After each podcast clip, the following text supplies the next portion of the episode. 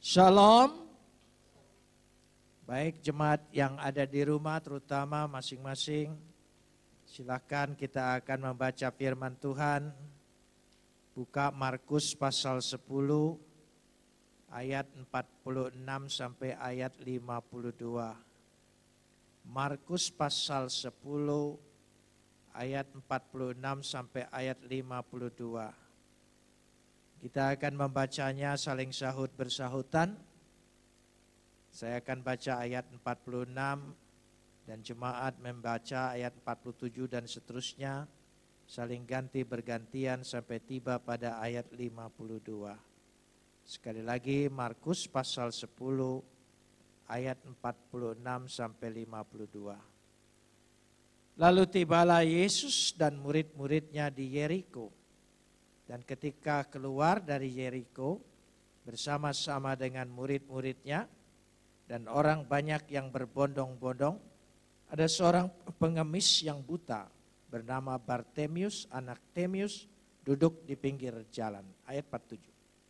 Ketika didengarnya bahwa itu adalah Yesus orang Nazaret, mulailah ia berseru, Yesus anak Daud, kasihanilah aku. Banyak orang menegurnya supaya ia diam. Namun semakin keras ia berseru, anak Daud kasihanilah aku. Lalu Yesus berhenti dan berkata, panggillah dia. Mereka memanggil orang buta itu dan berkata kepadanya, kuatkan hatimu, berdirilah, ia memanggil engkau. Lalu ia menanggalkan jubahnya. Ia segera berdiri dan pergi mendapatkan Yesus. Tanya Yesus kepadanya, apa yang kau kehendaki supaya aku perbuat bagimu? Jawab orang buta itu, Rabuni, supaya aku dapat melihat. Lalu Yesus berkata kepadanya, pergilah, imanmu telah menyelamatkan engkau. Pada saat itu juga melihatlah ia. Lalu ia mengikuti Yesus dalam perjalanannya. Kita sambut firman Tuhan, kapot leha Adonai Elohenu kapot leha. Segala kemuliaan ya Adonai Tuhanku, kemuliaan bagimu. Saudara yang dikasihi Tuhan, bacaan ini cukup terkenal di tengah jemaat tentang kesembuhan mujizat Bartemius yang buta bisa melihat. Dan saya sendiri sudah berkhotbah tentang ini beberapa kali. Tetapi saya tidak ingin menyoroti tentang mujizatnya. Tapi ada sesuatu kekuatan yang luar biasa dan mujizat itu merupakan sebuah akibat dari sebuah sikap yang luar biasa dari Bartemius. Kita ingin belajar tentang bagaimana sikap Bartemius ini. Ketika itu dikatakan kalau saudara membaca Markus, mereka dikatakan baru saja keluar dari Jericho. Kalau saudara membaca Lukas, mereka memasuki kota Jericho. Yang mana benar? Dua-duanya benar. Bagaimana bisa begitu? Di zaman Yesus ada dua kota Jericho. Jericho kuno, Jericho lama.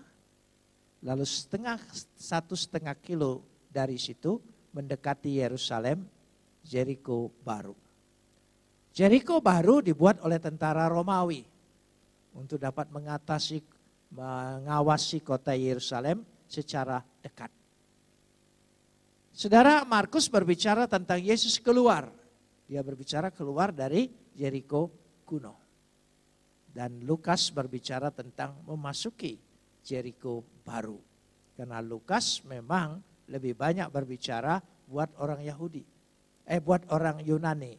Orang Yunani itu hanya tahu kota yang baru itu. Nah ini pintas saja untuk menjelaskannya. Sehingga ketika Yesus lewat di situ, ada seorang yang bernama Bartemius. Kita sudah jelaskan di sini. Ya. Ketika didengarnya bahwa Yesus adalah orang Nazaret, mulailah ia berseru. Ini yang saya ingin bahas. Berani bersuara. Berani bersuara menyuarakan keyakinannya tanpa ragu-ragu. Hui Daud, kasihanilah aku. Yesus anak Daud, kasihanilah aku. Saudara, Kata Hui Dawid itu gelar Mesias. Waktu itu orang tidak pernah berpikir Yesus itu me, Mesias. Tapi Bartimius ini punya penglihatan iman yang sangat dah, dahsyat. Mata jasmaninya terbatas, tapi mata rohaninya melihat sesuatu yang dahsyat lebih besar dari apa yang bisa dilihat oleh orang lain. Sehingga dia berani berkata itu. Kalau kita nyanyi sekarang Kristus anak Daud malam kudus, itu sudah biasa. Tapi pada waktu itu,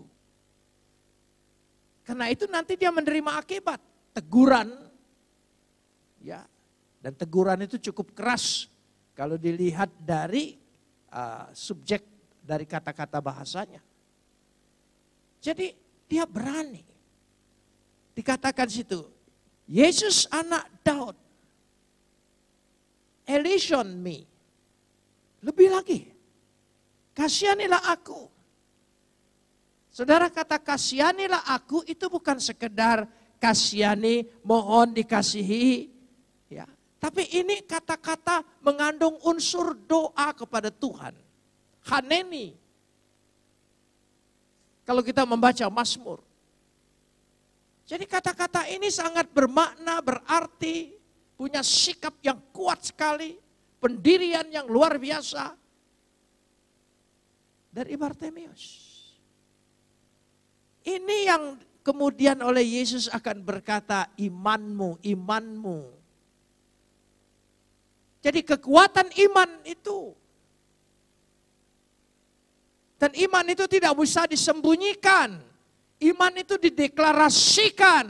Iman itu dinyatakan. Apa yang kita imani?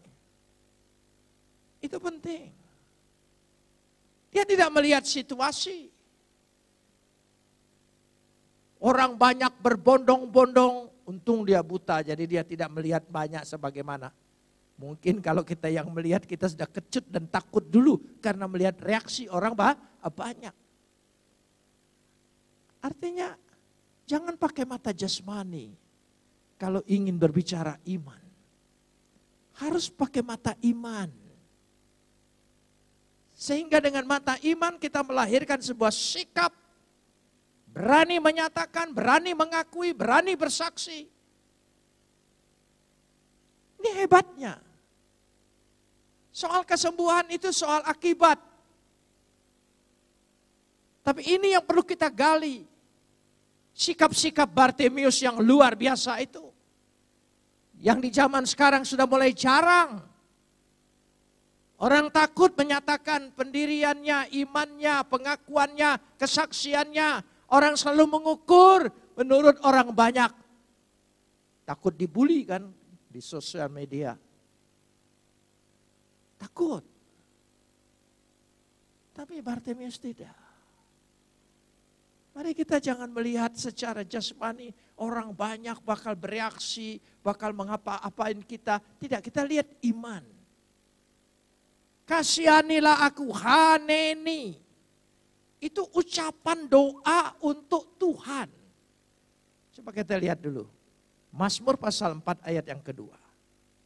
Mazmur pasal 4 ayat yang kedua. Kita lihat. Ya, Mazmur pasal 4 ayat yang kedua. Di sini ya. Apabila aku berseru, jawablah aku.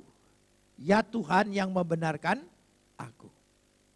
Di dalam kesesakan, engkau memberikan kelegaan kepadaku. Tolong sambung.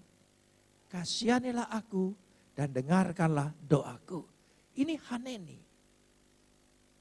Jadi bukan kata kasihan di situ secara, oh saya lapar pak, kasihanilah saya, saya belum makan hari ini. Bukan itu.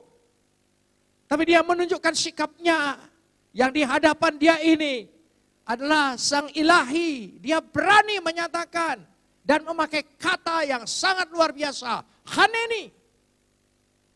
Sampai hari ini gereja memakai itu. Memakai itu. Selalu. Elison me. Kasihanilah kami. Gereja ortodok, gereja katolik, gereja protestan. Selalu diakhiri dengan doa jemaat jemaatnya. Kasihanilah Itu konsep doa. Jadi beda kalau kita baca bahasa Indonesia memang seperti pengemis das biasa ngomong kasihanilah kami bukan. Dia menyatakan yang di hadapannya ini siapa. Dia tidak melihat yang di hadapannya orang banyak bakal bereaksi. Dia lebih susah melarikan diri karena dia buta. Tapi dia tidak takut. Ini hebatnya Bartemius. Mari kita merenungkan Sikap-sikap seperti ini kita butuhkan saat ini. Di saat orang sudah kehilangan pegangan. Di saat orang sekarang ini lebih dicekam oleh rasa takut, cemas, dan khawatir. Kadang-kadang saya berkesimpulan orang lebih membesar-besarkan virusnya daripada Tuhannya. Kadangkala kita terjebak di situ. Bukan berarti kita mengabaikan bahaya, tapi yang lebih besar tetap Tuhan. Amin. Itu sebabnya. Kita lihat dulu Mazmur 6 ayat yang ketiga. Ini semua konsep aneh nih. Mazmur 6 ayat yang ketiga. Berhubungan dengan Tuhan. Kasihanilah aku, Haneni. Tuhan, sebab aku merana. Sembuhkanlah aku Tuhan, sebab tulang-tulangku gemetar. Jadi kata-kata itu yang dipakai. Berarti dia punya luar biasa.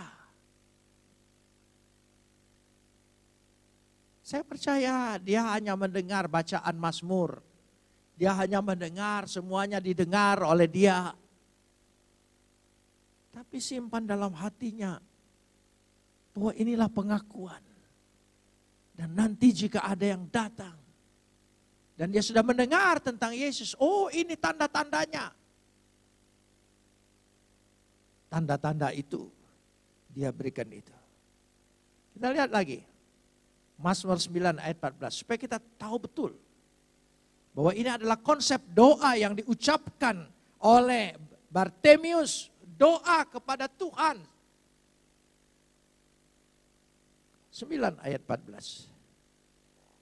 Kasihanilah aku ya Tuhan, lihatlah sengsaraku sebab orang oleh orang-orang yang disebabkan oleh orang-orang yang membenci aku. Kasihanilah.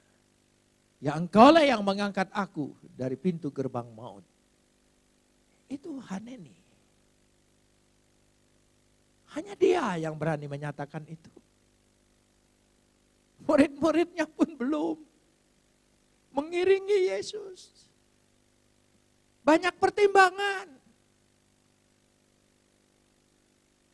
Jangan-jangan kita ini sudah terlalu mengiringin dia sehingga pertimbangan kita sudah pertimbangan bukan lagi mengikuti jalan Tuhan, mengikuti jalan pikiran kita. Itu sebabnya kita ingin kembali ke jalan Tuhan. Ikuti jalan Tuhan. Amin. Coba coba lihat. Ya, saya masih ingin mengutip Mazmur. Mazmur 25 ayat 16. Ya, Mazmur yang ke-25 ayat yang ke-16. Berpalinglah kepadaku dan kasihanilah aku sebab aku sebatang kara dan tertindas.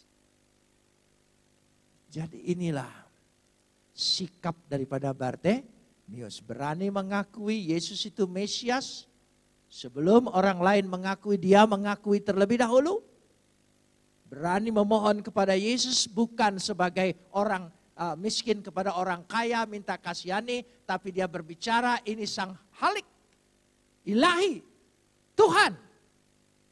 Dia berani menyatakan itu. Itu hukuman mati loh. Bagi orang Yahudi begitu banyak. Dari situ letaknya. Karena itu kita ingin melihat bersama-sama. Berani mendeklarasikan kepercayaannya, imannya, itu yang pertama. Yang kedua, berani menanggung resiko. Berani menanggung resiko. Berani menghadapi tantangan. Perhatikan ayat 48. Perhatikan ayat yang ke-48. Kita lihat di sini. Banyak orang menegurnya supaya ia diam. Bukan suaranya berisik, tapi pernyataannya itu sangat berbeda dari pendapat-pendapat orang waktu itu Yesus hanya sebagai rabi. Tapi berani, nanti kita lihat. Dia lebih daripada itu. Banyak orang menegur dia. Tapi coba perhatikan. Banyak orang, saudara. Bartemius tak berdaya, seorang diri. Banyak orang. Tapi dia tidak takut. Dia berani menghadapi tantangan. Saat ini kita anak Tuhan tidak perlu takut. Saat ini justru kita harus berani menunjukkan sikap kepercayaan dan iman kita. Jangan takut. Inilah saatnya. Karena dunia sedang dilanda oleh kata ketakutan dan ketidakpastian. Masa kita ikut takut juga sih? Untuk menyatakan iman kita. Jadi selain berani mendeklarasikan, berani menghadapi tantangan, berani menanggung resiko, harus bayar harga. Ikut Yesus itu ada harga yang harus dibayar. Tapi tidak usah takut. Kan kita sudah tahu kisah Bartemius. Apa yang bisa diperbuat oleh orang banyak itu? Apa yang bisa diperbuat? Itu satu setengah kilo lagi dari Yerusalem. Itu artinya Farisi, Saduki, ahli-ahli Taurat begitu banyak di sana. Maka tadi dari awal saya menjelaskan dulu. Kalau dari Yeriko kuno itu 29 kilometer dari timur laut Yerusalem. Tetapi satu setengah kilo dan satu setengah kilo lagi memasukin kota Yeru, Yerusalem. Yerusalem pak, ah, Yeriko baru. Tapi dia ada takut. Mungkin kita lihat dulu, kalau jauh-jauh kita berani. Ya, tapi kalau dekat-dekat kita tak takut. Itu kita. Lirik-lirik dulu. Tapi dia tidak. Dia apa yang mau dilirik? Orang dia buta.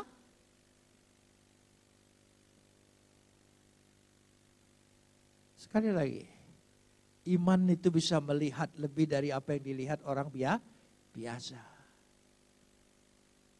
Lalu coba perhatikan ayat 48. Ayat yang 48b.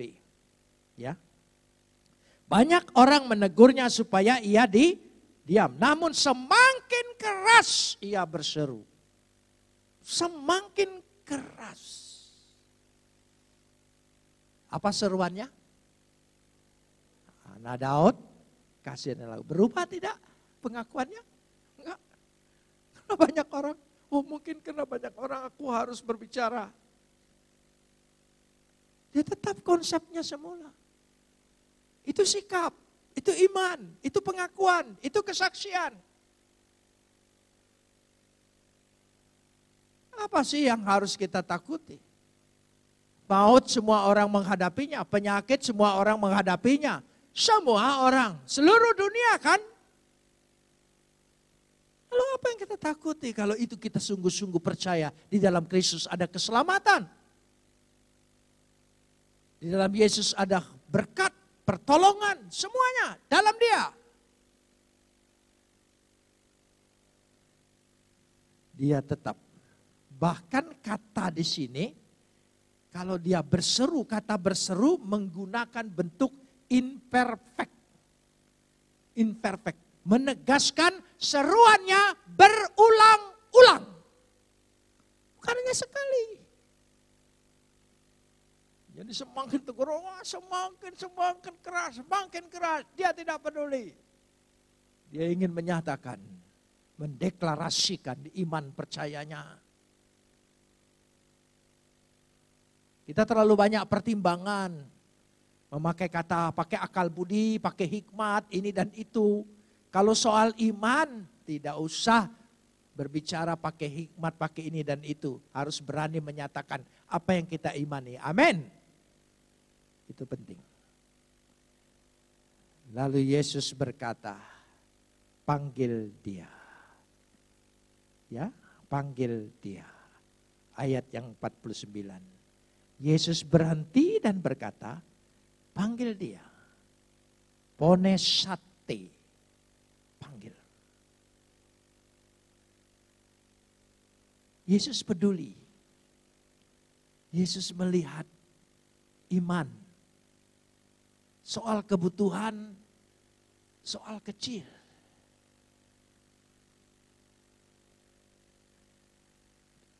Dia peduli. Karena itu setiap Yesus ketika menyuruh memanggil Bartemius, maka akan terjadi keajaiban, perubahan yang luar biasa. Amin. Yesus memanggil kita. Sahut panggilannya. Pasti ada perubahan dalam hidup kita, dalam masa depan kita, dalam keadaan kita. Amin. Sambut. Dia mengetuk pintu. Dia berdiri di sana. Dia memanggil kita. Ada pujian manis lembut. Yesus memanggil kita.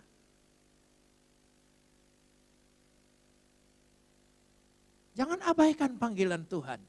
Baik untuk melayani, bersaksi, ya, memberitakan Injil. Jangan takut. Pones sate, panggilan dia berisi mandat, berisi kuasa, berisi keajaiban. Amin. Ya. Konsep inilah sebetulnya menjadi sebuah lambang. Lambang delegasi Kristus kepada gereja. Supaya gereja menjadi juru bicaranya gereja harus menjadi perpanjangan tangan ya di dunia ini untuk menjawab, menolong kebutuhan orang. Orang yang membutuhkan. Yang dibutuhkan oleh orang adalah keselamatan jiwa. Lepas dari ikatan do, dosa.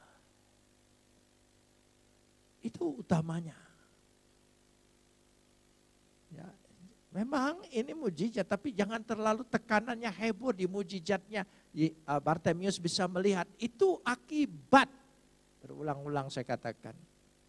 Lihat sikap-sikapnya, itu kita teladani, itu kita tiru. Gereja dipanggil untuk ini. Ayat 50. Moving forward dia menanggalkan jubahnya. De apobalon tohimation duton. Sudah pernah saya jelaskan. Setiap pengemis secara resmi diberikan jubah, izin. Supaya bisa mengemis di kota Yerusalem. Jubah itu izinnya. Kebergantungan sekali dia. Kalau tidak ada jubah, dia akan diusir oleh Satpol PP Yerusalem. Dia akan diusir. Tetapi dia berani tanggalkan. Belum terjadi apa-apa loh, coba lihat sikapnya. Belum beroleh apa-apa. Kita lain, Tuhan engkau tolong saya dulu, nanti saya baru datang kepada engkau. Buat dulu Tuhan ke saya, nanti baru saya buat untuk Tuhan. Ini belum. Dia tahu dia tidak perlu lagi bergantung dengan ini. Akan ada pembaharuan di sana. Berani melangkah ke depan. Ada sesuatu yang luar biasa. Asal engkau di jalan Yesus. Katakan amin. Dia tahu. Dia mengarah kepada Yesus. Dia berhadapan dengan Yesus. Ini penting.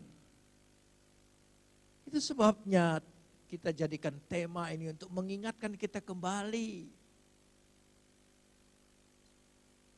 Wah, para pengkhotbah, pendeta, jemaat mulai menggali semua mujizat-mujizat terjadi di Yohanes di mana coba lihat ada pesan yang sangat kuat di situ bukan hanya sekedar kesembuhan tapi menunjukkan sikap iman itu sebabnya dia berani itu beranikah kita melangkah maju Meskipun kita belum melihat apa yang bakal kita peroleh. Tapi menunjukkan sekali lagi sikap percaya penuh di depan, di jalan Tuhan. Pasti ada berkat Tuhan. Ada pertolongan Tuhan. Ada penghiburan Tuhan katakan amin. Amin. Itu dia. Coba. Sikapnya luar biasa. Ayat 51. Ayat 51. Kita lihat, ini semua sikap-sikap ini. Tanya Yesus kepadanya, apa yang kau kehendaki supaya aku perbuat bagimu? Jawab orang buta itu apa? Supaya aku dapat? Saudara yang istimewa kata mana? Supaya aku dapat melihat. Nah ini, pengakuan dia rabuni. Berani mengakui Rabuni. Itu berarti Yesus diakui di Injil Yohanes ya disebut Rabuni setelah dia bangkit. Bartemius mengaku dia Rabuni sebelum dia bangkit. Dahsyat kan? Rabuni supaya aku dapat melihat kata Rabuni berasal dari bahasa Aramik Sebutan ini lebih tinggi dari sebutan rabi. Itu Mesias. Rabuni itu Mesias. Coba kita bandingkan dulu Yohanes 20 ayat 16. Yohanes 20 ayat yang ke-16. Kata Yesus kepadanya, Maria, Maria, berpaling dan berkata kepadanya dalam bahasa Ibrani, apa? Rabuni. Mesias. Tapi yang menyebut Rabuni lebih dulu siapa? Bartemius. Kalau dia sudah lihat dia bangkit, dia tidak mati, dia dahsyat, dia hebat. Pengakuan itu bernilai sebelum kita melihat apa-apa, itu iman. Kalau sudah melihat semua tersedia, Ya, tidak perlu kekuatan iman itu. Jadi sementara kita ketakutan, sementara kita kecemasan, sementara kita dalam kekurangan, sementara kita dalam pergumulan, sementara kita dalam penderitaan, sementara kita bahkan ke depan itu kita uh, belum bisa melihat apa yang bakal Tuhan berikan kepada kita, jalan apa, berkat apa, jalan keluar apa, kita belum melihat, tapi percaya berikan pengakuan kepada dia. Amin. Tidak akan sia-sia. Tidak akan sia-sia. Rabuni. Ya. Karena ini konsep Mesias. Coba kita lihat dulu Yesaya 35. Yesaya 35 ayat 4 dan 5. Yesaya 35. Katakanlah kepada orang-orang yang tawar hati. Kuatkanlah hatimu, jangan takut. Ayat 5. Lihatlah, Tuhanmu akan datang dengan pembalasan dan ganjaran. Tuhan, ia sendiri yang akan menyelamatkan eh, engkau. Itu konsep Rabuni. Dari situ letaknya. Jadi itulah sebabnya Yesus tidak banyak berbicara. Yesus tidak tumpang tangan, tidak melakukan action apa-apa. Jadi kuasa Tuhan itu jangan saudara pikir ada aliran, aliran roh, aliran tenaga dalam. Ini kebanyakan film silat. Iman, iman justru dari diri kita mengalir. Dari pengakuannya Bartemius, dari sikapnya Bartemius, dari keberanian Bartemius, semuanya. Coba perhatikan. Perhatikan ayat 51 tadi. Ya. Ayat 52. Lalu kata Yesus kepadanya, tolong sambung. Pergilah, imanmu telah menyelamatkan engkau. Oh luar biasa. Pergilah.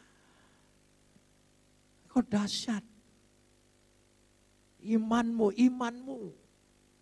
Kekuatan imanmu itulah yang menyelamatkan engkau, yang menyembuhkan engkau, yang memberikan pertolongan kepadamu. Amin. Kekuatan iman itu. Hupage, hefistis, so sesoken se. Kata sesoken menyelamatkan dalam arti bukan hanya terbebas dari secara fisik, tapi juga mental, spiritual. Sesoken. Luar biasa. Di sini saya mengagumin Bartemius. Orang hanya mengakui, oh orang buta dapat mujizat sembuh. Sudah di situ aja. Hebat ya Yesus. Yang hebat itu di sini memang Yesus tidak perlu dibandingkan. Bartemeus. Biarlah kita dalam minggu ini merenungkan sikap-sikap Bartemeus ini. Minta kepada Tuhan supaya Tuhan beri kekuatan kepada kita supaya kita bisa mampu bersikap seperti Bartemeus. Di tengah-tengah begitu banyak orang dan saya percaya karena Tuhan izinkan pandemi ini. Inilah kesempatan bagi kita menyaksikan. Mendeklarasikan iman kita. Amin. Ya. Orang tidak berani sekarang. Masa kita juga ikut takut untuk menyatakan iman kita untuk bersaksi, mendeklarasikan itu penting sekali. Jadi jelas itulah yang dimaksudkan di sini. Baru akibatnya pada saat itu juga melihatlah ia. Lalu dia mengikuti Yesus. Itu kan akibat imannya. Jadi kekuatan iman kita, pertolongan Tuhan itu ada dalam diri kita, bukan di luar kita. Mari kita berdoa.